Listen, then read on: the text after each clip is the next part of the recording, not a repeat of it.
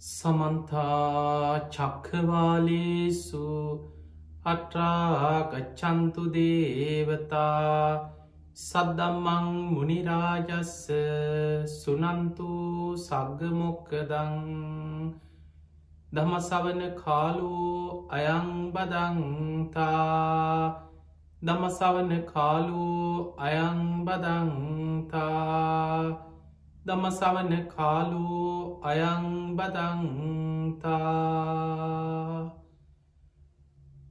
නමුතස්ස භගවතු වරහතු සම්මා සම්බුද්ධස්ස නමුතස්ස භගවතු වරහතු සම්මා සම්බුද්ධස්ස නමුතස්ස භගවතු වරහතු සම්මා සම්බුද්ධස්ස හැම දිනාටම තෙරුවස්සන්න ප්‍රාර්ථනා කරමින් අද ඔබ හැම දෙනෙක්ම ඔබේ ජීවිතයට ඉතාම වැදගත් ධර්ම කාරණා රැසක් ශ්‍රවණය කරන්නයි මේ ධර්මශ්‍රවණයත් එක් එකතුවේ. පිංහතුනේ කළඹ ටෙලිවිෂන් මෙත් සඳහම් විකාශය ඔස්සේ මේ උතුම් ධර්ම දේශනා ලක්වාසී ලෝවාසී බොහෝ පිරිසකට ශ්‍රවණය කරන්න දැකබලාගන්න ජීවිතයට ධර්ම එකතු කරගන්න අවස්ථාව සැලසෙන ආකාරයට පියෝටව අංක එකසේ කොළහ ඔස්සේ ලංකාපුරා වගේම අන්තර්ජාලය ඔස්සේත් සමාජ මාධ්‍ය රැසක් ඔස්සේ මේ ධර්ම දේශනා YouTube ෆේස්බුක් ආදී සමාධ සමාජ මාධ්‍ය ඔස්සේ ලෝකයට විසුරවා හැරෙනවා. පිංහතුනේ අද මේ ධර්ම දේශනාවේ පින්බර දායකතය ධර්මයෙන් කටයුතු කරන්නේ ඔස්ටේලියාවේ මෙල්බර් නුවර පදිංචිව සිටින පින්වත් පිරිසක්. ඉතින් ඒ අයගේ අරමුණ තමයි මීට වසර පහලෝකට පෙරමිය පරලව යන්නට එදුණු ආර්ඩ ප්‍රේමදාස පියානට පින් අනුමෝදන් කිරීම. ඒවගේ වසර දාසයකට පෙරමිය පරලවගේ ස්ටැන්ලි දිසානායක පියානට පින් අනුමෝදන් කිරීමත් සුජීවත් වාසය කරන හේමාවතී වෛද්‍යරත්න මෑණියන්ටත් දමයන්ති දිසානායක මෑණියන්ටත් කරුණාවතී මාරසිංහ මාසිංහ මෑණියන්ටත් ආරෙන් විජේරත්න බාප්පා ශ්‍රියානි සමන් කුමාරි පුංචි අම්මා ඇතුළේ පවුලි සුජීවත්තයට හැම දෙනාට මාශිර්වාද කිරීම සහෝදර සහෝදරියන් වන මංජුල සුමේදා දිනිදු හසිත අච්චිර යන හැම දෙනාටමත් දූදරුවන් වන පුලිදු එවුනි රුවිදු දිසිදු යුවාන් අයුකි අයෝන් කියනේ දරුවන් හැම දෙනාට මාශිරවාද ප්‍රාර්ථනා කිරීමත් අරමුණ. ති අරමුණින් තමයි මේ උතුම් ධර්මස් දේශනාව දායකත්තේ ධර්මින් ලක්වාසී ලෝවාසී හැම දෙනාට විසරවා හැරි ඉතින් ගෞතම් බුද්ධ ශාසනය තුළ වහවා හැම දෙනාට මුතුම් චතුරාරි සත්‍ය ධර්මී අවබෝධ වේවා කියන උතුම් ප්‍රාර්ථනාව ඒ පිංහතුන්ගේ උතුම් අරමුණු අතර සඳහන් වෙනවා. පිංහතුනී අද මේ ධර්මාණු ශාසනාවෙන් ඔබට මේ බුද්ධ ශාසනී තුළ අග්‍රම දායකය බවට පත්වෙච්ච අනාත පින්ඩික සිටුතුමාගේ ජීවිතේ අපිට ගන්න පුළුවන් සුවිශේසී උදාහරණ කීපයක් ඇසුරේ අපි ජීවිතවලට වැදගත්ම වෙන කාරණා කීපයක් අද දවස අපි සාකච්ඡා කරන. බොහෝ වෙලාවට අපි අහලා තියෙන්නේ මේ අනාත පින්ඩික සිටතුමා පනස් හතර කෝටියක් වියදං කළ ජේතවනය හැදවා බුදුරජාණන් වහන්සේගේ අග්‍රදායකය බොහෝ පින්කං කරපු කෙනෙක් ඔය වගේ කාරණ අපි දන්නවා. කෙනෙක්ගේ ජීවිතයේ ඒ තනතුර ලබන්න සසර කරපු පින්කම්. ඒ වගේ අනාත පින්ඩික සිටුතුමා මහා ධනවතේ. ඔහු කරපු ව්‍යාපාර ඊළඟට ඔහු ගිහි ශ්‍රාවකය කැටියට බුද්ධ ශාසනී තුළ සද්ධාවෙන් කටයුතු කරපු ආකාරය. ඔහුගේ ජීවිතය ඇතිවෙච්ච ප්‍රශ්න ව්‍යාපාර කඩා වැටිච්ච සිදුවී අද වර්තමානය අපිට ජීවිතයේ ප්‍රශ්නයක් ඇතිවෙනකොට ඇයි අපිට මෙහෙම වෙන්න? මෙච්චර දන්දීපු පින්කරපු අපිටම ඇයි මේ කරදර? අන්නේ වගේ අපි හිතනවා. අනාත පින්ඩික සිටුතුමාත් අඩියටම ඇදගෙන වැටිච් අවස්ථාවක් ගැන ධර්මී සඳහන් වෙනවා. මහා කෝටිපතියෙක් හැටියට නගරේ සිටු තනතුරක් අරගෙන ධනවත්ම කෙනා හැටියට වැජබිච්ච අනාත පින්ඩික සිටුතුමාගේ ධනය කඩාගෙන වැටිලා ව්‍යාපාර කඩාගෙන වැටිල මිනිස්සු නයිනොදී ඉඳලා නයිට ගත්ත මිනිස්සුත් මගඇරලා අවසානය කාඩි හොදී නිවුඩු හාලුයි කන මට්ටමට මාලිගාවක තඹයක් නැති මට්ටමට අසරණ භාවයකට පත් වනා මේ මහා ධනවතා. හැබ යොහුගේ ගුණ ධර්ම ඔහු පිරිහෙන්න දුන්නේ ඇයි මට මෙහෙම වුණේ කියල ඇහුවෙන. ජේතවනේ හදපු මටමොකක්ද මේ වෙච්චහෙනේ කියල හිතුවෙන. සද්ධාවන්තයි. සෝවාන් වෙච්ච ශ්‍රාවකේ. තමන් ගුණධර්ම තුළ පිහිටලා තුනුරුවන් තුළම පිහිටලා ජීවිතේද ඇතිවෙච්ච ප්‍රශ්නවලට හිත හදාගෙන මුණ දුන්නා. හැබැයි දෙවියන් ඔහුට පිහිට වුණා ඔහුගේ පින බලවත් වුණා ඔහු ආයමත් ඒ වස්තුව නොසිත නාකාරයට දෙවියන්ගේ පිහිටෙන් ඔහුට ලැබි චාකාරි හරීම අසිරිමත් විස්තර ගොඩක් ධර්මී සඳහන් වෙනවා.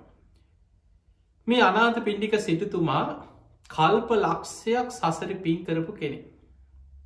බුද්ධ ශාසනය අග්‍රදායකයා බවට පත්වෙන්න කල්ප ලක්ෂයක් පුරා සසර පින් කරගෙනාපු මහා පින්වන්ත කෙනෙක් තමයි අනාත පින්ඩික සිටතුමා.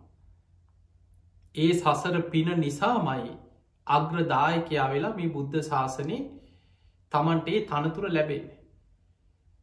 ඔහුගේ ඇත්තනම සුදත්ත අනාත පින්ඩික කියන්නේ අර සසර පුරා පාරමී පුරල පින්කරපු පුරුද්ධ දුගී මගේ යාචකයන්ට හැම වෙලාම උදව් කරනවා දන් දෙනවා දංමටවල් පවත්වනවා. මිනිස්සුන්ට පිහිට වෙනවා. අනාතයන්ට පිඩු දෙන ආහාර දෙන කෙනා අනාත පින්ඩික අන්නේ නම සමාජ මිනිස්සු අතරින්මයි කීර්තිරාවයක් ගෞරවයක් හැටියට ඔහුට ලැබෙන. පිංවතුනි බොහෝ පින්කං කරන මිනිස්සුන්ට මිනිස්සුමකි නමයා දානපතිය. වර්තමානමේ දානපති දානසාගර එක එක නංගන් තමන් විශේෂෙන් තමන් ගැන කියෝ ගත්තට තමන් කරන පින තුළම සමාජෙන්ම ගොඩ නැගෙනවා අසවලා දානපතිය. අසවල්ලා අනාතයන්ට උදව් කරන කෙනෙක් හරියට පින් කරන කෙනෙ කනුකම්පාසාගත කෙනෙක් යහපත් කෙනෙ. එක දිට්ට දම්ම වේදනය කීර්තිරාවයක් හැටියට දන් දෙන කෙනා ගැන සමාජම ගොඩ නැගෙන දෙයක්. මේ අනාත පිණ්ඩික සිටතුමා බොහෝ උත්සාහයෙන් වීරියෙන් ධනවත් ව්‍යාපාරිකයෙක් හැටියට සැවැත් නුවර හිටපු බොහෝම ධනවත්ම කෙනෙ. පිංහතුනී නගරයක සිටු තනතුරක් ලැබෙන්නේ නගරයෙන් ධනවත්ම කෙනාට. ඔබ අහල ඇති අපේ බුදුරජාණන් වහන්සේ පහළ වෙච්ච කාලේ දඹදියෝ පාලනය වුණේ සොලොස් මහ ජනපද හැටිය. අංග මගද කසී කෝසල වජ්ජි මල්ල චේති ඔය වගේ සොලොස් මහ ජනපද ඒ ඒ වෙන වෙනම රාජ්‍ය හැටියට රජවරු ඒ රට පාලනය කිරීම සිද්ධ කරා. ඔය අතර ප්‍රබලම රාජ්‍ය තමයි කෝසල රාජ්‍ය. මේ කෝසල රාජ්‍ය පාලකය තමයි කොසොල් රජ්ජුරු. අගනගරේ තමයි සැවැත්නුවර කොසොල් රාජ්‍ය විශාලමී කෝසල රාජ්‍ය ප්‍රධානම අගනගරේ සැවැත්නුවර. දම්මපද අට්ට කතාව සඳහන් වෙනවා කෝටි හතකට ආසන්න ජනතාවක් සැවැත්නුවර ආශ්‍රය කරගෙන ජීවත් වනා කළේ තොට මේ ජනපදේ මේ රාජ්‍ය ප්‍රධාන නගරයේ තුළම ඒ සැවැත්නුවරකෙන විශාල නගර භූමිය තුළම කෝටි හතකට ආසන ජනතාවත් ජීවත් වන. දැ මේක මේ අපේ රටේ නගරත් එක්ක කෙනෙක් හිතුවොත් එච්චර් කියලා හිතෙන්න්න පුළුවන්. හැබැයි අද ඉන්දියාවකත්තෝ චෙන්නයි කියෙන නගර විතරක් කෝටි හයකට ආසන්න ජනතාවක් ඒ නගරේ ආශ්‍රිතව ජීවත්තේ. කෝටි එකසිය විසි හයක් විතර ඉන්දියාව අද ජීවත්වෙනවා. ඒ නිසා එදා සැවැත්නුවර කෝටි හතකට ආසන්න ජනතාවක් ජීවත්වන මේ කෝටි ගානක් ජනතාව අතරින් නගරේ ඉන්න ධනවත්ම කෙනාට රජ්ජුරුව විසින් මේසා විශාල ධනයක් තවත් කෙනෙකුට තියෙනවද කියලා බලලා ඔහුට ප්‍රධාන සිටු තනතුර දෙනවා. එකැන නගර ඉන්න ධනවතා කියන තනතුර තමයි සිටුවරය ප්‍රධාන සිටුවරය. ඊළඟ ධනවත් කෙනාට නගරේ දෙවනි සිටුවරය ඒ සිටු තනතුර ලැබෙන එතකොට එය නගර හිටපු ධනවත් මය අතර ධනවතෙක් තමයි අනාත පින්ඩික සිටුතුමා ඒකයි සිටුව සිටුවරෙක් කියලා කිය. ඕගේ ඇත්තනම සුදත්ත ඔහුගේ ව්‍යාපාර කටයුතු සැවැත් නුර විතරක් නෙමේ අනෙක් කනෙක් රාජ්‍යවලත් යම් යම් වෙළඳ සම්බන්ධතා ව්‍යාපාර ගණු දෙනු එක්ක ඒ කාලි සම්බන්ධතා තිබිල තියෙන. ඔහු රජ ගහනුවරට යනවා සර්ජගහනුවර ගැන සේනය බිම්බිසා රජ්ජරුවන්ගේ රාජ්‍ය. මේ මගද දේශය අගනුවර තමයි රජගහනුව මේ රජගහනුවරට නිතර යනවා ව්‍යාපාර කටයුතු වෙනුවෙන් වෙළදාම් ඒ කටයුතු වෙනුවෙන් යනවා. ඒ ගිහාම සුමිත්ත කියලා මිත්‍රයගේ නිවසක තමයි යොහු අතරවේ.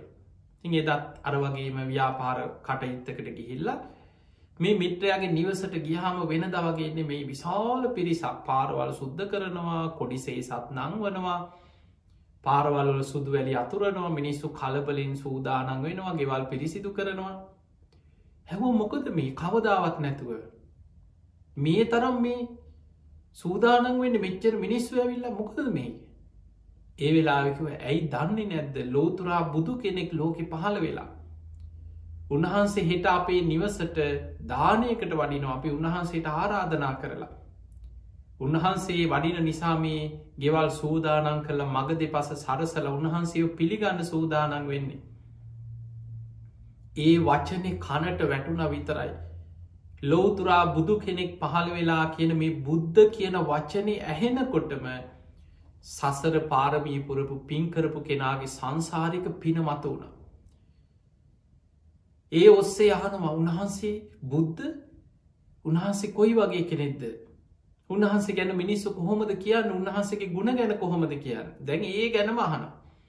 එතකොට දන්න දන්න මිනිස්සු කිව උන්වහන්සේ සියල්ලු කෙලෙසුම් ප්‍රහාණය කරගත්ත කෙනෙක්ලු උන්වහන්සේට අරහන් කියලා කියනවනේ. ඊළඟට තව කෙනෙකින් දැනගත්තා. උන්වහන්සේ ගුරූපදේශ රහිතවරන මේ ධර්මය අවබෝධ කරගත්ත කිය. ඒ නිසාල්න උන්වහන්සේට සම්මා සම්බුද්ධ කියලත් කියනවන. දැන් ඔය වගේ බුදුගුණ මේ හැමෝම ඔක්කොම ඒ වෙනකොට මේ බුදුගුණ ගැන ලොකු දැනුවත් තිබන මිනිස්සු නෙමේ. යහන්තම් බුදු හාමුදුරුව ගැන ටිකක් දැනගත්තා. දැන් සුදත්තට නිධාරය වුණා දැ මේ කටයුතුත් එක්ක මේ ගැනමයි හිතෙන් අර බුද්ධ කියන වචනය කනට වැටුනට පස්සේ සංසාරික පින ඒ හිත ඇතුළේ ඒ අරමුණම හිතේ දුවනු. රාත්‍රී කෑම මේසෙත් උන්වහන්සේ ගැනමයි කතාව. නිදාගන්න ගියා යනකොට හිතුව මං හිට උදේ පාන්දරින්ම දැන් රෑවෙලාන් උදේ පාන්දරින්ම ඒ බුදුරජාණන් වහන්සේව දකින්න යනවා. මං උන්වහන්සේ මුණ ගැහෙන උන්වහන්සේට වන්දනා කරන උන්වහන්සේගේ ම බණටිකක් අහන. ද උදේ පාන්දර යන්න හිතාගෙන රෑ ඉන්දට ගිය. නින්දයන්නෑ බුදුගුණ සිහිවෙන. උන්වහන්සේ ගැනම හිත අරමුණු වෙනකොට සංසාරික පින කියන්නේ බුදුරජාණන් වහන්සේ ඇස් දෙකින් දැකලත් නෑ තාම උන්වහන්සේගෙන් බණහලත් නෑ හරියට බුදුගුණ ගැන දැනුමකුත් නෑ. හැබැයි අර අහල තියෙන බුදුගුණ ඔස්සේ හිත බුදුරජාණන් වහන්සේ ගැන විමසනකොට හිත එකඟ වෙනවා හිත සමාධිමත් වෙනවා ආලෝකයක් හිතේ පහළ වෙන. සමාධි ආලෝකයක් ඇති වුණා බුද්ධානුස්සතිය තුළ හිත ආලෝකමත්වෙනවා. රෑ නිදාගන්න ගියාට බුදුගුණ මනසිකාරයම හිතේ හැම වෙලායිම බුදුගුණම හිතේ සිහිවෙන. මහා රාත්‍රී ඇස් ඇරුණා බුදුගුණ මනසිකාරයෙන් හිත එලිය වෙලා සමාධි ආලෝකෙන් පරිසරයම එලිය වෙලා පේන. මේක ධර්මය පෙන්න්නනවා ආලෝක සංඥාව දිවා සංඥාව කියලා හිතේ භාවනා කරන කෙනෙක් මේ දිවාකාලි සංඥාව හිතට අරගෙන එක භාවනාවක් වසයෙන් පුරුදු කරන ආකාර බුදුහාන්දුර විස්තර කළ අපිට පෙන්නල තියෙනවා. එතකොට මේ සංසාරික පිනට අනාත පින්ඩි මේ සුදත්ත සිටුවරයාගේ හිතේ බුදුරජාණන් වහන්සේ ගැන සිහි කරනකොට හිතේ බුද්ධානුස්සතිය වැඩෙනවා. හිත එකඟ වෙනවා ආලෝකයක් හිතේ පහළ වෙන. වටපිට බැලුවා එලිය වැටිලනේ. එහෙමම බුදුගුණ සිහිකර කර සූදානන් වනෙත් බුදුගුණ සිහිකර කරම. එහෙම දොර ඇරගෙන එලියට ගිහිල මං උදේම ගිහිල්ල කාටත් කලින් බුදුරජාණන් වහන්සේ මුණ ගැහෙනවා අනි එලිය වැටලන්න කියලා. බුදුගුණ සිහි කර කරම ගමන ගිය. හැබැයි මේ යන්න මහරාත්‍රී පරිසරීම එලිය වෙලා පේනවා සමාධි ආලෝකය නිසා හිත එලිය වෙලා. ඔහොම ටික දුරක් යනකොට පයි පැකිලිලා විසි වෙලා ගියා. සමාධිය බිඳුනා. මහා ගණ අන්දකාරයක් මේ කැලයක් ඇතුළේ මාවා තනි වනානේද කියල හිතට ලොක බයක් ඇති වුණ. ඒවිලේ දේවතාවරු අහසේ ඉඳං ඇහෙන්න ගාථාවක් කියනවා. සතන් අස්සේ සතන් අස්සා සතන් අස්ස සරීරතා. සතන් කඥ්ඥා සහස්සානී ආමුත්තමනි කුණ්ඩලා ඒ කස්ස පද වීතිහාරස්ස කලන්නා ගත්ති සෝල සිංකර. එක තේරුම තමයි සූ සැට බරණින් සරසපු.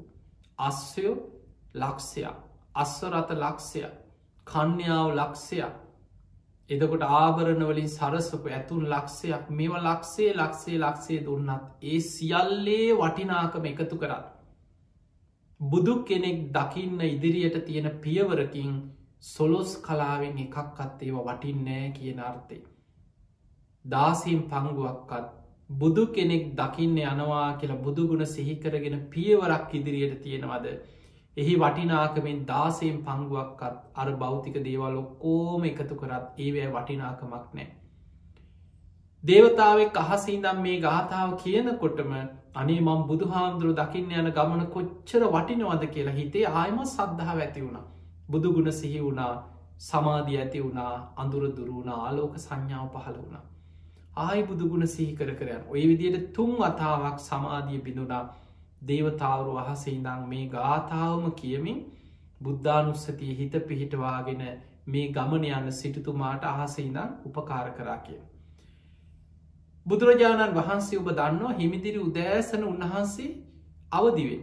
මහා කරුණා සමාපත්තියට සමවැදිල ලෝකෙ දිහා බලනවා කාට දදමන් පිහිටවෙන්. කවු දද දවසේ ධර්මය අවබෝධ කරන පින්වන්තමය කියල බුදුරජාණන් වහන්සේ බුදු ඇසිම් බලනවා. එදා බුදුරජාණන් වහන්සේ උදෑසන මහා කරුණා සමාපත්තිය ලෝකෙ දිහා බලද්දි දැක්කා අග්‍රදායකයා වෙන්න කල්ප ලක්ෂයක් පෙරුම් පුරාගෙන ආපු සුදත්ත බුදුරජාණන් වහන්සේ හොයාගෙන අද උදෑසනින් එනවා වේළුවනාරාමෙට. ඔහුගේ හිත දිහා බුදුරජාණන් වහන්සේ දැක්ක ඔහුගේ හිතේ පැතුමක් තියෙන අනේ බුදුරජාණන් වහන්සේ මාව අඳුනගෙන මං ගැන මාව අදුන්නල දෙන්න කලින් උන්වහන්සේ මගේ නම කියලා මට කතා කරනවා නං කියල හිතුවා.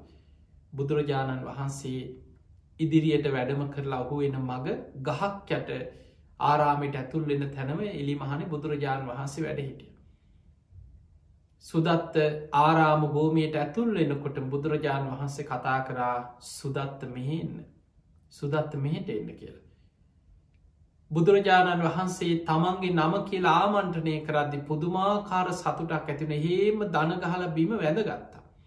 දනිස් දෙකින් වැඳගෙන වැඳගෙන ඉස්සරහටාව. එහෙම ඇවිල්ල බුදුරජාණන් වහන්සේ ළඟට මැවිල්ලා සිරිපතුල් නලලෙ තියාගෙන සිරිපතුල් දෑතින් පිරිමදිමින් ස්වාමීනී මම සුදත්ත මම සුදත්ත ස්වාමිනී මමයි සුදත්ත කියල බුදුරජාණන් වහන්සේට වන්දනා කලා එකත් පසකින් වාඩි වුණ. බුදුරජාණන් වහන්සේ පිළිවල කතාව කරලා චතුරාරි සත්‍ය ඇතුළා සාමු කන්සික දේශනාවෙන් සුදත්තට දහම් දෙසුව. එදා බුදුරජාණන් වහන්සේ මුණගැහිච්ච පළවෙනි දවසම බුදුරජාණන් වහන්සේගෙන් බණහල උතුම් සෝවාන් පලට පත් වුණ. ඔන්න හොමයි සුදත්ත සිටුවරේ අනාත පින්ඩික සිටුතුමා බුදුහාන්දුරුව මුණ ගැහුණේ හම්බෙච්ච පළවෙනි දවසම බණහල සුවාන් පලට පත් වුණ. සෝතාපන්න පලට පත්වෙනවා කියලා කියන්නේ බුදුරජාණන් වහන්සේ උපමාවකට පෙන්වී යුද්ධ දාහක් දිනනවට වඩා. මේ කාම ලෝකෙම අධිපති සක්විති රජ කෙනෙක් වෙලා උපදිනවටත් වඩා. දෙදෙව්ලෝට අධිපති සක්‍රපදවිය ලබනවටත් වඩා සෝතාපත්ති පලේ ශේෂ්ටයිකි. ඒ උතුම් සෝවාන් පලය සුදත්ත සිටුවරයට බුදුරජාණන් වහන්සේ මුණ ගැහිල බණහපු පලවෙනි දවසම සෝවාන් පලේ ලැබුව. බුදුරජාණන් වහන්සේට වන්දනා කරල දැ දහවල් දානයට වඩිනවා මිත්‍රයාගේ නිවසට සිටුවරයා නිවසට ගිය. එදා බුදුරජාණන් වහන්සේ ඇතුළ මහා සංඝයා වැඩම කළ දන් වලඳල අවසන් වෙච්ච වෙලාවේ. බුදුරජාණන් වහන්සේට වැදගෙන ආරාධනයක් රාස්වාමිනී භාකතුන් වහස මම සුදත්ත. මම ඉන්න සැවැත්නුවර කෝසල රාජ්‍ය අග නගරේ සැවැත් නුවර. කෝටි ගානක් මනුස්සයන්ගේ නගර ජීවත්වයෙන බොහොම ශස්ශ්‍රේක රාජ්‍ය සාමීනී භාගතුන් හස උබහන්සේ මගේ ආරාධනය පිළිගන්න සේක්වා. උබහන්සි මහා සඟරුවන සමඟ සැවැත් නුවරට වඩින සේක්වා. බුද්ධ ප්‍රමුඛ සංඝයාට මම මගේ වියදමින් අංග සම්පූර්ණ ආරාම් භූමියක් ඉදිකරලම බුද්ධ ශාසනයට පූජා කරනවා. ඔබහන්සේ මගේ ආරාධනාව පිළිගන්න සේක්වා කියල බුදුරජාණන් වහන්සේට වන්දනා කරලා ඉල්ලීමක් කර. බුදුරජාණන් වහන්සේ දකිනවා මේ සංසාරය පෙරුම් පුරාගෙනෙනවා. හැම බුදු කෙනෙකුටම පූජාවෙන හැම බුද්ධ ශාසනයකම හැම බුදු කෙනෙක්ම පරිහරණය කරන අවිධහිත පිම්බිමක් වන සැවැත්නුවර ජේතවන පිම්බිම මිලදීගෙන කොටි සෙනසුන් හදලා පෙර බුදුවරුන්ට පූජා කරපු විදිහට මේ භූමිය ගෞතම් බුද්ධ ශාසනිත් බුදුහාන්දුරන්ට පූජාවෙනවා. ඒ වෙනුවෙන්ම පින්කරගෙන පෙරුම් පුරාගෙනන පින්වන්ත කෙනාමේ බුදුහාන්දුර ආරාධනය පිළිගත්ත. දැන් සුදත්තට හරි සතුටුයි. ඕගේ වෙන දාම් ව්‍යාපාර කටයුතු මේ වන මේ ආපහු ගිය රොක්කොම පැත්තක තියලා මේ සතුටට මාපහු ගිය යන්න ගමන් යාළුවන්ට මගත්තොටේ හම්බෙනයට කිව්වා බුදු කෙනෙක් පහළ වෙලා. උන්වහන්සේට මං ආරාධනා කර උන්වහන්සේ මගේ ආරාධනාව පිළිගත්තා. මං මේ යන්නේ උන්වහන්සේට වැඩයින් ආරාමයක් ඉදි කරත් පුද්දුම සතුටෙන් ගිය. සැවැත්නුවරට ගිය දවසෙම සේවකයන්වත් දැනුවත් කරලා ඉක්මනට බුද්ධ ප්‍රමුඛ සංඝයා වෙනුවෙන් සුදුසු භූමියක් නගරි පුරාම හොයන්න ගත්ත. කොහේ මොන තරං නගරි ලස්සන භූමි තිබුණත් හිතගේ ජේත කුමාරයාගේ ඉඩම කොසොල් රජ්ජුරුවන්ගේ පුතා ජේත කුමාරය. මේ ඉඩම දකිනකොටම තමන් සසර පාරමී පුරාගෙනා මේ භූමියම පෙර බුදුවරු පරිහරණය කරපු භූමියමේ මේ භූමිය මට බුදුරජාණන් වහන්සේ වෙනුවෙන් වෙන කිසි තැනක් නෙමෙයි මෙතනමයි සුදුසු කියලා හිත ගිය. හොයලා බැලුව කාටද මේ ඉඩ මයිති. කොසොල් රජ්ජුරුවන්ගේ පුතා ජේත කුමාරය එතන රජ්ජුරුවන්ගේ පුතාට ඉඩමක් විකුණලා සල්ලි අතට ගන්න තරම් අහේනියක් තිබ්බ කෙනෙක් නෙමේ. එතකොට ඔහු තමයි ඔහුට ධනය ඉඩ කඩන් රජ්ජුරුවන්ගේ සම්පත් මේ හැම්ම දේකම අයිතිය තියෙන කෙනා. කමක් නෑමං කොහොම හරි මේ ඉඩම ලබාගන්නවා කියලා ගිහිල්ලා මාලිගාවට ගිහිල්ලා ජේත කුමාරය මුණ ගැහිලා ජේත කුමාරයගෙන් ඉල්ලීමක් කරා ඔබට පුළුවන්ද ඔබේ ඉඩම බුදුරජාණන් වහන්සේ වෙනුවෙන් මං ආරාමයක් ඉදි කරනවා මට විකුණන්න නිකන්න මේ විකුණන්න ජේත කුමාරයට මේ ඉඩම විකුණන්න කිසිම උමනාවක් නෑ හැබැයි සුදත්ත සිටුවරයක් කියන්නේ පිය රජ්ජුරුවන්ගේ කොසොල් රජ්ජුරුවන්ගේ හිතවතේ. එහිතවත්කම මේ සම්බන්ධතායක බෑ කියන්නත් බැරි නිසා කල්පනා කර එක පාට්ටෝක බෑ කියනවට වඩා නොවටිනා මිලක් කිව්වොත් ඕක වැඩේ අතහැරල දායි. එහෙම හිතලා කිව්ව ඔය ඉඩම නම් මං විකුණන්නෙම නෑ.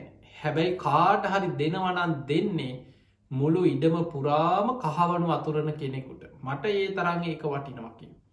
එහෙම කෙනෙකුට දෙනවද එහෙම කෙනෙකුට තමයික දෙන්නේ හොඳයි එහෙනම් කියලා සුදත්ත සිටුවරය දැන් ඉඩම විකුණන ක්‍රමිත් දැනගත්ත ගිහිල්ලා තමන්ගේ රන් කහවනු ගබඩාවල් වල තිබ්බ කරත්තවල පටෝල පටෝල පටෝලා ජේත කුමාරයාගේ මේ ඉඩමට ගිහිල්ලා මුළු ඉඩම පුරාම රන් කහවනු ඇතිරුව.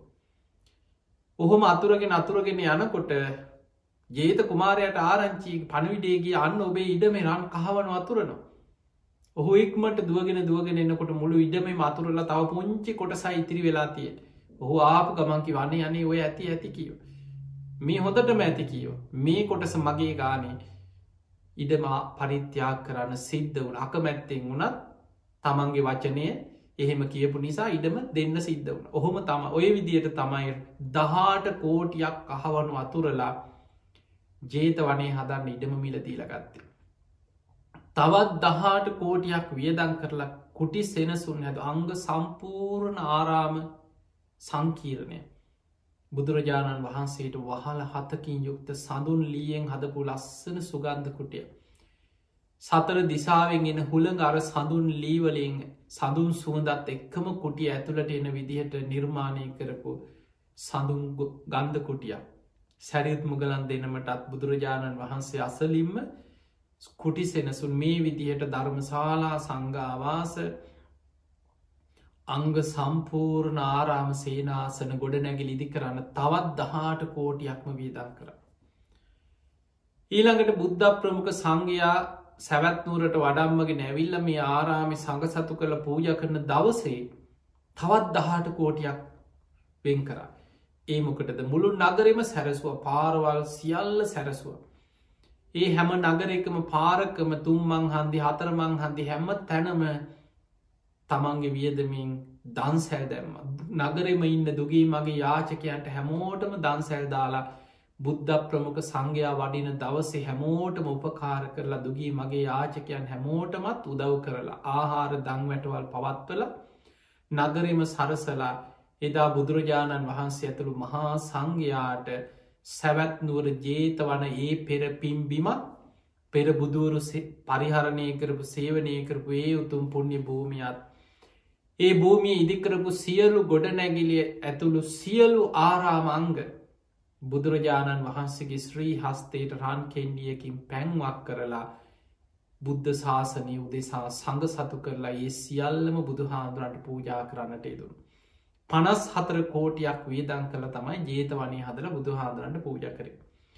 දැන් අපි බලමු මේ මහා පින්කම දැම් බලන්න එක පුද්ගලයෙක් ඉදිරිපත් වෙලා කරන ඔහුගේ සද්ධාවත් එක් ඔහු කරපු පින්කමේ ප්‍රතිඵලය දම්ම පද අට්ට කතාව සඳහන් වෙනවා බුදුරජාණන් වහන්සේ බුදු වෙලා වැඩිම කාලයක් වැඩ සිටියේ සැවැත්නුවට ජේතවනේ වස්කාල දහනොමය බුදුරජාණන් වහන්සේ බුදු වෙලා වැඩ හිටිය අවුරුදු හතලිස් පහයි එයින් වස්කාල දහනොමයක්ම බුදුරජාණන් වහන්සේ සැවැත්නුවර ජේතවනාරාමි මුල් කරගෙන ඒ ආරාමි වැඩ සිටිය.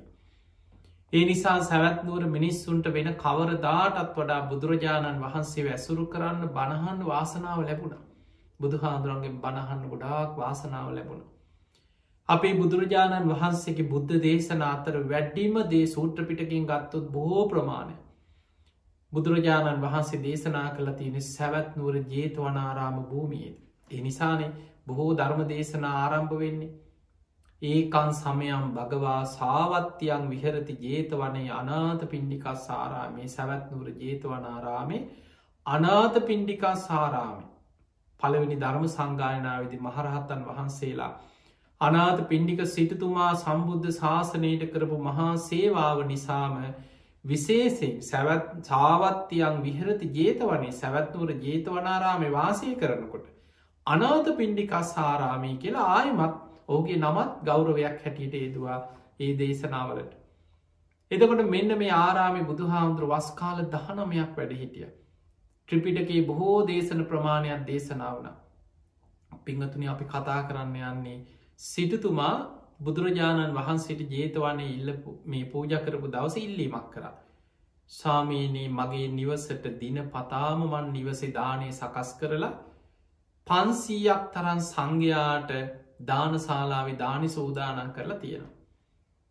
මේ ජේතවනේ වැඩඉන්න දහන් සංඛ්‍යාත මේ උත්තම ස්වාමීන් වහන්සේලා නගරෙ කොයි කොයි දිසාවලට පින්ඩ පාති වැඩියත් මගේ නිවසටත් පන්සිය නමක් හෝ ඊට ආසන්න පිරිසක් මගේ නිවසට දානයට වඩින්න මම දානි සකස් කරලා තියෙනවානේ ස්වාමීනී දින පතාම වනත් මට ඉදී කරන්න පුළුවන් කියලා බුදුහාන්දුරන ඉල්ලීමක් බුදුරජාණන් වහන්සේ අවසර දුන්න. දැන් දවස ගානි පන්සිය නමකට නිවසි දානය හදනවා. මහා දනව සිටුවරයන් ඉතින් සේවකයෝ දෝල හැමදාම් පන්සිය නමකට දානශලාවි දානි හදලතිය. තින් ස්වාමීන් වහන්සේලා නගර වෙන වෙන පාරවල්ල පින්ඩ පාතයනවා එයින් බෙදිලා දවසකට පන්සියක් පමණ සිටතුමාගේ නිවසටත් දානයට වටින්. දැන් මේ දවසක් දෙකක් නෙමේ මේ ජීවිතය හැමදාම ඔයි පින්කං කර කර කිය. දැන් ඔහොම යනකොට දැන් ඔබ හිතන්න අනාත පිණ්ඩික සිටුතුමා පනස් හතර කෝටියක් වියදං කරා කියපුහම් පොඩි මුදලද්ද කෝටි පනස් හතර ජේතවනි හදන්න. ඊළඟට ඔය අතර සංඝයාට ඇප උපස්ථාන කරන්න දම්පින්කං කරන්න නිවසේම දවස ගාන පන්සියකට දන්දුන්න කියන්න පුංචි වියදමන්ත. එතකොට මේ වගේ මහා පින්කං කර කර ගිය. හැබැයි ලෝක ධර්මතාවය අනාත පින්ඩික සිටතුමාට වේවා ඔබට වේවා මට වේවා අපි කාටත් එකයි. ලාභ වගේමයි අලාබත් ලැබෙන. සැප වගේමයි දුකත් ලැබෙනු. ප්‍රසංසා වගේමයි නින්දාවත් ලැබෙන. යසස වගේමයි අයසත් ලැබෙන මේක තමයි ලෝක ධර්මතාව. ලාභ අලාභ නින්දා ප්‍රසංසා සැප දුක යසායස. ඔය අතරේ අනාත පින්ඩික සිටතුමාගේ ව්‍යාපාරත් පෙර අකුසල් බලවත්වෙනකොට කාටත් පෙර පින මතු වෙලා තියෙනකං අපි කොච්චර හොඳට නිරෝගීව ඉන්නවා ඒ කාලවල බොහොම දියුණු වෙනවා කීර්තිය ප්‍රසි ඔය මොනවා තිබුණත් පෙර අකුසල් බලවත් වෙන කාලවලට නොසිත්තන චෝදනාවලට මූුණ දෙන්න සිද්ධ වෙනවා.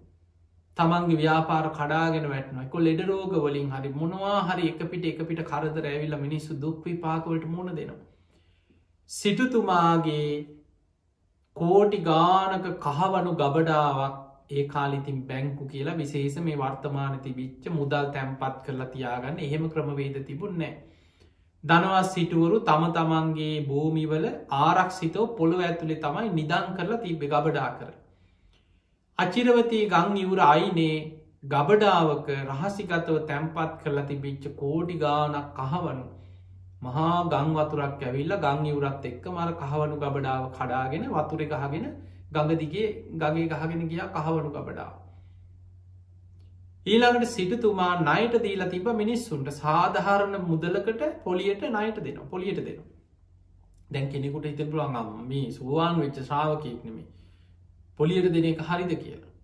පින්වතුනී බුදුරජාණන් වහන්සේ පොලියට දෙන්නේ පාවත් පොලියට ගන්නේ පාවත් කියලනෑ හැබැයි ධර්මී තියෙනවා තමන්ට ගෙවන්ඩ බැරි අධික පොලියකට ණයගන්න පමොක ඊට පස මානසික විඳවන්න වෙනවා. ගෙවා ගන්න බැරු කළමනා කරණයක් නැතුව. නයට ගන්න එක අකුසලයක් නෙමේ ද මිනිස්සු ව්‍යාපාර එහනම් බැංකූලත් කරන්නමකක්ද. නය දෙනවා. මිනිස්සුන්ගේ මුදල් අරගෙන එකට පොලියක් දෙනවා. මිනිස්සුන්ට නය දෙනවා. ඒ වෙත්තා මිනිස්සු ව්‍යාපාර කරන්න ගයක් හදාගන්න ඉඩමක් ගන්න. වානයක් මේ හැමති මිනිස්සුන්ගේ ජීවිතේ නය මත මිනිස්සු හැබැයි ඒක සාධහරණ වේක ගෙවනවා මගහරින්න එකට සාධහරණ පොලියක් අය කරනවා. එක සාධහරණ වෙන්න ඕන. හැබැයි ගිනි පොලියක් අසාධාරණ විදිහට ගිනි පොලියට දීලා මිනිස්සුන්ගේ වත්කම් දේපල අයිති කරගන්න බලාගෙන කරනවන අන්නේ අකුසලයක් ඒක පවකම අනාත පින්ඩික සිටතුමා සාධහරණ මුදලකට මිනිස්සුන්ට තමන්ට දියුණුව වෙන්න මිනිස්සුන්ගේ අවශ්‍යතා වෙනුවෙන් මුදල් අයට දීලා තිබ්බ. හැබැයි සිටතුමා කඩාගෙන වැටෙනකොට සිටතුමාගේ ව්‍යාපාර කඩාගෙන වැටෙනකොට සිටතුමාට දැන්ටිකක් අමාරුයි කියලා දැනගත්තහම නයට ගත්ත මිනිස්සුත් මග ඇරිය. සමහරු බලය තියෙන කන්නව බය ව්‍යාපාර වැටිලා ඒ මනුස්්‍යයා ඇදගෙන වැටෙනකොට අනිත් හැමෝම මගාරින. සිටතුමාටත් මිනිස්සු නයට නොදී මග හැරිය. දැම් සිටතුමාට එදිනිදා ලැබිච්චර පොඩි ආදායන් ලැබෙන්න්නෙත් නෑ ව්‍යාපාරත් කඩාගෙන වැටල. තැම්පත් කල තිබිච්ච රන් කහවනු ගබඩාවත් ගියවරත් එක්කම කැටලා ගිහිල එක පිට එක පිට කරතර ගොඩා දැන් සිටතුමා බොහොම අමාරුවෙන් එදාවේල බොහෝම අමාරුවෙන් එදා එදාට ගැට ගහගන්න. වෙනද ප්‍රනීත විදිහට සිටුවරේ බොහෝම ප්‍රනීත විදිහට තමන් ආහාරපාන කෑම බීම බොහොම සැපවත් ජීවිතයක් ගත කරා. දැන් ආදායන් අඩුවෙනකොට සිටතුමා කන්නි බොන්නේෙත් බොහොම අමාරුවෙන් දැන් කාඩි හොදී නිවුඩු හාලු ඉස්සර තිබි චැල් හාලිබත් ප්‍රනීත සූප ව්‍යාන්ජන දැන්න. හැබැයි තමන් කනවට වඩා යම් උසස් විදිහට කොහොම හරි අර දංවැට පවත්තන එක නැවැත්වේ නෑ. කොහෝම හරි සංඝයාට පුළුවන් විදිහට මොන්න තරම් අසරණකං අගහිඟකම් ප්‍රශ්න තිබුණත් දන් දුන්න. අන්න සෝවාන් වෙච්ච කර්ම කරම්පල විශ්වාස කරන දානේ ලෞකික සම්මාධිට්්‍යය තියෙන ශ්‍රාවකය. දන් දෙන එක නැවැත්වෙන. ඔහොම ඉන්නකොට සිටතුමාගේ නිවසට අධිග්‍රූහිත ඊට ඉහල අහසේ විමානයක් මවාගෙන ඊටපු දිව්‍යාංගනාවක් ඉඳල තියෙනවා මිත්‍යා දෘෂ්ටික දෙව්තුව. මතක තියාගන්න දෙවුරොක්කොම සම්මාධිට්ටික නෑ මිත්‍යා දෘෂ්ටික දෙවුරු ඉන්න. අපි නොදකින සමහර දේවල්ලැන් ඔය වගේම පාටලීපුට්ට නගරේ ගැන බුදුරජාණන් වහන්සේ මහා පරිනිබ්භාන සූට්ට දේශනා කරන ආනන්දය මේ සුනීත වස්සකාර අමාත්‍යවරු පාටලී පුට්‍ර කියල අලුත් නගරයක් ඉදි කරන බුදු හාන්දුරු පිරිනිවන් පාන වඩින්න ඔය පාටලී පුට්‍ර නගරය හරහා. එදා රාත්‍රී බුදුරජාණන් වහන්සේ මේ පාටලී පුට්‍ර නගරේ වැඩඉන්නකොට උන්වහන්සේ දකිනවා. අලුතෙන් ඉදි කරන විශාල ගොඩනැගලිවලට ඉහළ අහසේ මහේශාක්‍ය දෙවරු අරක් ගන්න. ඊළඟට සාමාන්‍ය මධ්‍යම් ප්‍රමාණි ගොඩනැගිලි නිවාසවලට ඉහළ අහසේ මධ්‍යමානු භාව දේවතාවරු අරක් ගන්න. සාමාන්‍ය ගොඩනැගිලිවලට ඉහළ අහසේ සාමාන්‍ය දේවතාරු අරක්ගන්න. බුදුරජාණන් වහන්සේ පහෝද ආනන්ද හාමුරට කියෙන ආනන්ද මේ පාටලීපුට්ට නගරේ සුනීත වස්සකාර අමාත්‍යවරු ඉදි කරන්න හරියට දෙවිය තවතිසා දෙවියන් එක්ක සාකච්ඡා කරලා ඉදි කරනවා වගේ ඒ ඒ ගොඩනැගිලිවට ඉහ ලහසේ ඒ ඒ පින් ඇති දෙවරු අරක් ගන්නවා කෙන විමාන මවාගෙන. එතකොට අපිට නොපෙනෙන මෙවැනි දේවල් මේ ලෝකයේ තුළ තියෙනවා. අනාත පින්ඩික සිටතුමාගේ නිවසට ඉහල අහස විමානයක් මවාගෙන හිටපු දිව්‍යාංගනාවක් ගැන ධර්මය සඳහන්ගෙන. හැබැයි මේ දිව්‍යාංගනම් මිත්‍යා දෘෂ්ටිකයි. පෙර පිනකට දිවිය ලෝක ඉපදුනාට බුදුහාන්දුරන්ගේ බණහලා සම්මාධිත්‍යය පිහිටපු කෙනෙක් නෙමේ. ඒ නිසා බුද්ධ ප්‍රමුඛ සංඝයාට කැමැත්තක් තිබෙනෑ බුදු හාමුදුරුව ඇතුරු රහතන් වහන්සේලා නිවසට එනකොට අර දිව්‍යංගනාව ඒ වෙලාට මගහැරලෑන් විමානනුත් යනවා. අකමැති දකින්න කැමතිනේ. මිත්‍යා දෘෂ්ටිකයි ති ඔය අතරේ මේ දිව්‍යාංගනාව කල්පනා කරා සිටුතුමා කොච්චර ධනය තිබ්බ සිටුවරේද. කෝටි ගණන් ධනේද මේ ගබඩාවල් රන් කහවනු පිරිලා තිබුණ. දැන් තඹයක් නෑ. දැන් සිටතුමාට අමාරුම කාලයක්. අද වර්තමානයේ සමහර මිනිස්සු හිතන විදිහට බතක තියාගන්න දෙවි කෙනෙක් වුනම් මිත්‍යා දෘෂ්ටිකයි. කරම කරම්පල විශ්වාසය ඇති පින ගැන විශ්වාසයක් නැති පිනේ විපාක සසරි ලැබෙනවා කියලා දන්නේ නැති කෙනා ඇස් දෙකට පේනදේ අනුව තීරණ ගන්නවා. අර දේවතාවත් ඒ විදිහට. දේවතාව හිතුවා දන්දීල දන්දීල නැත්තර නැති වුණා. ඔය වගේ මිනිස්සු කියනවා. ඔය මේ මහලොක පින්කං කරන්න ගිල්ල ඔය මනුස්්‍ය ඇදගෙන වැටුනේ. ඔය පේෙන් නැද්ද? පන්සල්ලෝට ජෛත්‍ය හදන්න අරව මෙ පින්කං කරන්න ගිහිල් අද වැලේ වැල් නැතුව ඉන්න ඔය මනුස්සයට ඔහොම උනේ ඔය මහලොක පින්කං කරන්නක එතකොට ඔය වගේ කියන පිනට ගරහන මිනිස්සු අදස් සමාජය ඉන්න අර දේවතාව කල්පනා කරා සිටුතුමාට මේක තේරුම් කරන්න ඕන. දවසක් මහරාත්‍රී බෝම ලස්සන දිවි ආභරණවලින් සැරසිලා දිවිය සුරූපෙන්ම සිටුතුමාගේ කාම්බරී පෙනී හිටිය දෙවඟනා සිටතුම ඇහුව කවුද ඔබ? බොහෝම ලස්සනට දිවිය සුරූපයෙන් පෙනීදල දිව්‍යාංගනාකට සිටතුමනි මම ඔබේ නිවසට ඉහල අහසේ විමානයක් මවාගෙන ඉන්න දෙව්දුව. මංආවි සිටතුමාට අවවාදයක් කරන්නකි සිටතුමා සෝවාන් වෙච්ච කෙනෙ සිටතුමා කියනවා හොඳයි. හැබැයි ඔබේ අවවාදේ ධර්මයට එකඟ නං විතරයි මක් පිළිගන්න කිව කියන්න කලින්ම කිව ඔබ ඕන දෙයක් කියන්න. හැබැයි අවවාදි ධර්මයට එකඟ නං විතරයි මං පිළිගන්න. හර දේවතාව කිව්වා සිටතුමනි බලන්න කිව මේ රන් කහවනු පිරිලා මහා ධනයක් ති බොබේ ගබඩාවල් අද තඹයක් නැති මට්ටමට ඔබ පහලට වැටිලා. ඔබ දන්දී පමණ නොදැන පින්කං කරන්න ගිහිලා දන්දීල දන්දීල නැත්තට නැති වුණා නේද කිව. තවත් ලැජ්ජ නැතුව දන් දෙනවාද කෙලෙහු. ඔන්න මිත්‍යාදෘෂ්ටික දෙවගන කියපුදේ දැන් ඔබ හිතන්න මේ සිටතුමා සෝවාන් බුද්ධේ අවිච්චා ප්‍රසාදේ බුදු හාන්දුරුව ගැන අච්චල සද්ධාව ධර්මය ගැන අච්චල සද්ධාව සංඝයා ගැන අච්චල සද්ධාව ආරය කාන්ත සීලයෙන් යුක්තයි චතුරාරි සත්‍ය ගැන සත්‍යඥානය ඇති කෙනෙ. පෘතජ්ජනයකුට ඔය විදිහට දෙවියෙක් පෙනීදල කිව්වා නම් අනේ දේවතාව මගේ අනේ කියලා වැඳලා දේවාලෙකුත් හදල හෙනම් එතන. පහෝදායිදං අර දෙවියන්ට පුද පූජා කරන වෙනම දේවාලයක් හදාගෙන. බලන් අනාත පින්ඩික සිටිතුමා තුනුරුවන් ගැන රිජුව සම්මාධිත්‍යය පිහිටපු ශ්‍රාවකයක් කොච්චර රිජු ප්‍රතිපක්තියක් ඇති කෙනෙක්. සේටතුමා ගත් කාටටම කිව්වා ඔබෝය කියන්නේ ධර්මය නෙමෙයි. ඔබෝය කියන්න අධර්මයක්. වහාම මගේ හතර කොනවත් වසන්න නැතුව යනව යන්න මෙතනින් කිව පැන්වා එලෝල දැම මගේ හතර සීමායවත් වසන්නෑ කියව. එහෙම කියද්දි අර දෙවගනට දැන් විමානයට යාගන්න බෑ. ඒකට හේතුව මතක තියාගන සිටතුමාගේ නිවසට ඉහල අහස විමාන තියෙන් සිටතුමාගේ සීමාව. සිටතුමා සෝවාන් වෙච්ච කෙනෙ ගුණෙන් ඊට වඩා ඉහලයි දේවතාවෙක් වුණත් සිටතුමා සිල්වත් ගුණවත් සෝවාන් වෙච්ච දිට්ටි සම්පන්න ශ්‍රාවකි. දැන් අර දේවතාවට විමානයට යාගන්න බැරුව ඒ ප්‍රදේශයට අධිග්‍රෝහිත වෙනත් දෙවි කෙනෙක් ළඟට ගිල්ල වෙන විමානයකට යන්න අවසරල්ලු. ඒ දේවතාව කිව අපිට ඒක කරන්න බෑ සතරවරන් දෙවියන්ගේ අවසරගන්න.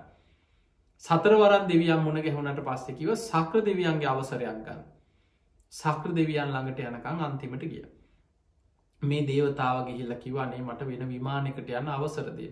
සක්‍ර දෙවියන් දේව සභාව රැස් කරලා. සුධර්මා දිවිය සභාවිදි මේ ප්‍රශ්නය විසඳන්න සාකච්ඡා කරා. හොයිල බැලුව මොකක්ද කාරණී?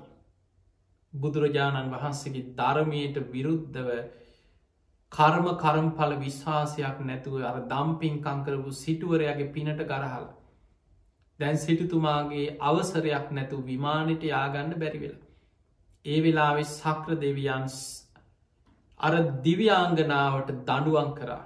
ඒ දඩුවම තමයි ඔබ ඔබට වෙන විමානකට යන්න දෙවියන්ගේ අවසරණය කිව්. ඔබට ඒ විමානයටමයි කිව එතන තමයික ඔබට ඔබේ පිනට ලැබිල තියෙන තැන හැබැයි ඔබ එතන්ට යන්න නම් ඔබ කළ යුතු දෙයක් තියෙන. සිටතුමාගේ කෝටි ගානක කහවනු අචිරවතී ගංගාවේ ගංයවර කැඩල ගඟට ගහගෙන ගිහිල්ල තියෙනවා ගං පතුලි තියෙන. සක්‍ර දෙවියන් අවසර දුන්නා ඔබ ඔබේ දිවිය බලයෙන් සක් දෙවිදුන්ගේ අවසරයෙන් ඔබ ඒ කහවනු එකතු කරලා ඔබේ දිවියම ඉරදි බලයෙන් සිටතුමාගේ ගබඩාවට පුරුවන්න. ඊළඟට ඔබ සිටතුමා ඉදිරියේ පෙනීදලා දන් දෙන්න ලැජ්ජ නැද්ද කිය අහන්න පුළුවන්නම් සිටතුමාගේ නයට ගත්ත කෝටි ගානක් නයට ගත්ත නයකාරයෝ දැන් නය නොදී ඉන්නවා. අන්නේ මිනිස්සු ඉදිරියේ පෙනීඉදලා සිටතුමාට ආපහු නය ලැබෙන්න සලස්සන්නකි. ඊළඟට මහමුහුදේ තියෙනවා අයිතිකාරයෙක් නැති වස්තුව රන්රිදී මුතු මැනික් සක්ෂිලාදී වටිනා මිල කර නොහැකි වස්තුව මුහුද තියෙනවා. ඒවක් ගෙනල්ල සිටතුමාගේ ගබඩාවට පුරුවන්. ඔය ටික කරලා සිටතුමාගෙන් ගිහිල සමාවගන්න සිටතුමා ඔබට සමාව දුන්නොත් විමානිට යන්න ඔබට අවසරේ තියෙනවාකි. ඔන්න දනුව. දැන් සක්‍ර දෙවියන්ගේ අනින් අර මුහුදට ගහගෙන ගිය කහවනවා පහු ගබඩාවට එකතු කර කරගෙනල මේ දේවතාව පිරේව්. ඊළඟට මුහුදේ තිබ්බ වටිනා වස්තුවත් රන්රි මුතු මැනික් සක්ෂිලාදි වටිනා වස්තුවත් ගබඩාවට පිරෙව්ව. නායකාර විදිරයේ පෙනී හිටිය. සිටතුමාට බයට බයවෙච් මිනිස්සුක් නයගෙනහල ආපහු පොලියත් එක්කම අර පරණ අය ඔක්කෝම් පියව. ඔක්කොම කරලා දවසක් සිටතුමා ඉදිරි ආයමත් පෙනී හිටිය දිවිය සුරූපේ. සිටතුම ඇහවා මොක දායිත් මේ ආයිත් මේ ආවේ ලැජ්ජ නැතුව දන් දෙන්න එපා කියන්නද කියලා. එතකොට අර දේවතාවය කියන අනේ සිටතුමනි මට සමාවෙන්න. මගින් උනේ වැරැද්දක්. මං වැරදි වැටහීමක වැරදි අවබෝධයකයි හිටියේ සක්‍ර දෙවියම් මට දඩුවන් කර. ඒ අනුව මං ඔන්න ඔබට ඔබේ නැතිවෙච්ච කහවනු ගබඩාවට මං පිරෙව්වා. නායකාරයන් ආපහු නයි දෙන විදිහට මං කටයුතු කර. දැන් ඔබේ ගබඩාවල් රන්රිදියෙන් පිරිලා සිටතුමනි මට සමාව දෙන්න මගේ විමානයට යන්න කිව. ඒ වෙලේ සිටතුමා කිව්වා ඔබ මගෙන් සමාවරගෙන වැඩක් නෑ ඔබට මං සමාව දෙන්නම්. ඔබ බුදුරජාණන් වහන්සේගේ ධර්මයටයි නින්දා කරේ. හෙට බුද්ධ ප්‍රමුඛ සංඝයාමේ නිවසට දානයකට වඩිනෝ ඔබ බුදුරජාණන් වහන්සේ ඉදිරී පෙනීන්දර සමාවගන්න එතකොට මං අවසර දෙන්නම් කිව බුදුරජාණන් දැන් සිටිතුමාට බොහෝ ධනයක් ආයමත් ලැබිලා. වෙනද වගේම සතුටෙන් ගිහිලා ජේතවනයට බුද්ධ ප්‍රමුඛ පන්සීයක් සංඝයාට නිවසට දානයට ආරාධනා කර. සේවකය ලව්ව ප්‍රනීත විදිහටම දානයේ සකස් කෙරෙව. පාරවල් සරසල බොහෝම ගෞරුවෙන් බුද්ධ ප්‍රමුඛ සංඝයා නිවසට දානයට වඩම්මලා සිටතුමා බුදුරජාණන් වහන්සේ ඇතුළු සංඝයාටම දානය පූජා කරලා අවසන් වනාට පස්සේ මේ කාරණය සිහිපත් කරද්දී අර දේවතාවිය පෙනී හිටිය බුදුරජාණන් වහන්සිදිරී පෙනීඉදර සමාවිල්ලු. මහා කාරුණික බුදුරජාණන් වහන්සේ බුදුවැසිම් බැලුවා මේ දේවතාවය කවුද. පෙර පසේ බුදු කෙනෙකුට දානයක් පූජා කරපු සංසාරික පිනකුත් තියෙන. මිත්‍යා දෘෂ්ටිකව හිටියට ඒ මොහොතේ පෙර කල්ප ගානකට පෙර සසරි පසේ බුදු කෙනෙකුට දානයක් පූජා කරපු පිනක් තියෙනවා. ඒ පින මතු කරමින් බුදුරජාණන් වහන්සේ දහම් දෙසුව. බුක්තාන මෝදනා දේශනාව කරේ අර දේවතාව ඉලක්ක කරගෙන. දේශනාව අවසානයේ මේ දේවතාවා සෝවාන් පලට පත් වනා ධර්මාවබෝධි ලැබුව. එතකොට අපිට පේනවා මේ අනාත පින්ඩික සිටතුමාගේ ජීවිතය. දැන්වයි මංකිවි කතාවල් කීපයක් තව ගොඩාක් දේශනාවල සිටතුමා ලෙඩ වෙච්ච වෙලාවේ භික්‍ෂූන් වහන්සේ ලකරපු දේශනා අනාත පින්ඩික සිටතුමා බුදුහාන්දුරු මුණ ගැහි ලහපු ධර්ම කාරණා ධර්ම සාකච්ඡා. සිටතුමාගේ දියනිවරු කාල සිටු පුට්‍රය ගැන බහල ඇති. අර බණක් අහන්න කැමති නැති. බුදුහාන්දුරුව එනකොට පිටි පස්සේ දොරින් පැනලගියපු පුතා සල්ලි දෙන්නම් කියලනි බණහන්න ඇරි. කහවනු සීයක් දෙන්නම් ගිහිල්ල පුතේ බණක් කහලා එන්නගේ පාම ගිය. අවසානය එහෙම ගිහිල්ලා පෝය දවසකිව කහවනු දාහක් දෙනවා.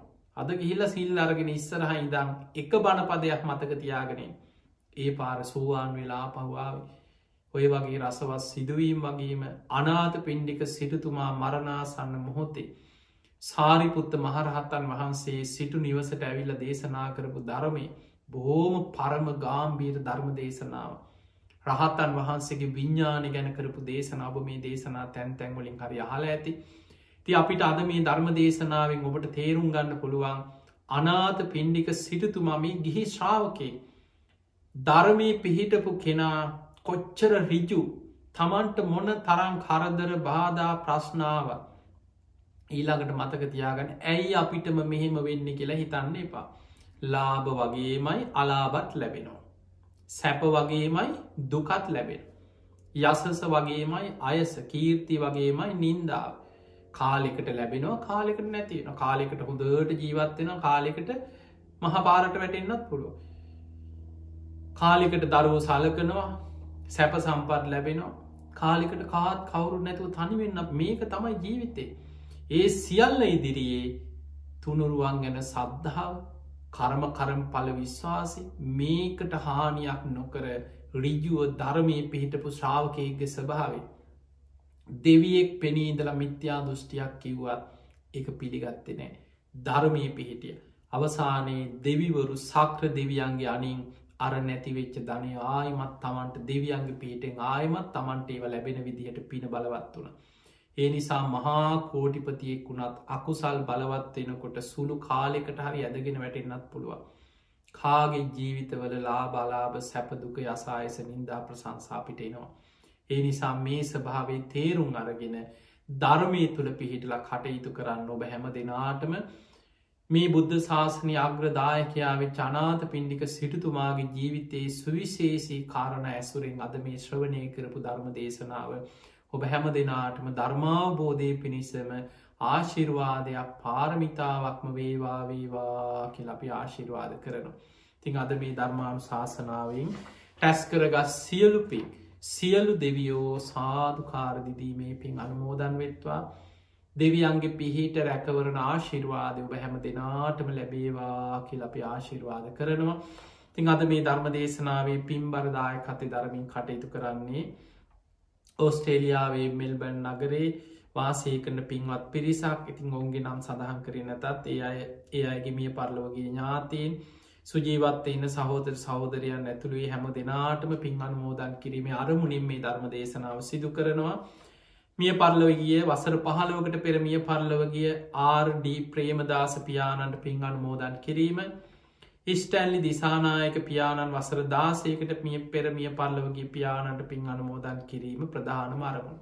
තිගේ පියවරු ඇතුළු පරම්පරාගත සංසාරගත මිය පරලෝගේ සියලු ඥාතේ සාධකාරදිදීමේ පින් අනුමෝදන් වෙත්වා ඒ අයගේ පරලව ජීවිත සැපවත්තේවා සුවපත්තේවා සසර දුකින් අතමි දේවා කියල සාදු කියල පින්දේ. සුජීවත් වාසය කරන හේමාවතී වෛද්‍යරත්න මෑණියන්ටත් දමයන්ති දිසානායක මෑණියන්ටත් කරුණාවතී මාසිංහ මෑණියන්ටත් ආරෙම් විජේරත්න බාප්පාටත් ශ්‍රියානි සමන් කුමාරි පුංචි අම්මාටත් සහෝදර සහෝදරියන් වන මංජුල සුමේදා දිනිදු හසිතා අචිර යන ඒ සහෝදර සහෝදරයන් හැම දෙනාමත් ඒ අයගේ දූ දරුවන් වන්න පුලිදු එවුනි රෝවින්දු දිසිදු යුවාන් අයුකි අයෝන් කියනේ දරුවන් හැම දෙනාමත් නිදුක්කේවා නිරෝගිවේවා සුවපත්තේවා ඒ හැම දෙනාටම තුනුරුවන්ගේ ආශිර්වාදය සියලු දෙවියන්ගේ පිහිට රැකවුණ සැලසේවා කියලපි ආශිර්වාද කරනවා.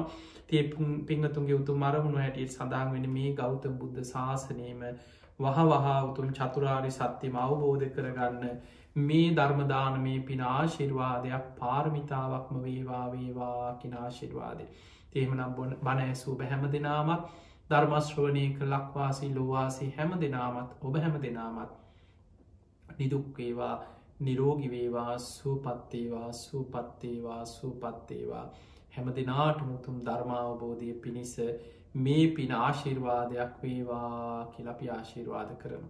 ආකා සට්හාචිබුම් මට්හා දේවානාගා මහිද්දිකා පුඤ්ඥන්තන් අනුමෝදිත්වා චිරන්රක්කන්තු ලෝක ශාසනං ආකා සට්හාචිබුම් මට්හා දේවානාගා මහිද්දිකා පුඤ්ඥන්තන් අනුමෝදිත්වා චිරන්රක්කන්තු දේශනං. ආකා සට්හාජිබුම් මට්හා දේවානාගා මහිද්දිකා පුඤ්ඥන්තන් අනුමෝදිත්වා චිරන්ඩක්කන්තුතුවන් සදා.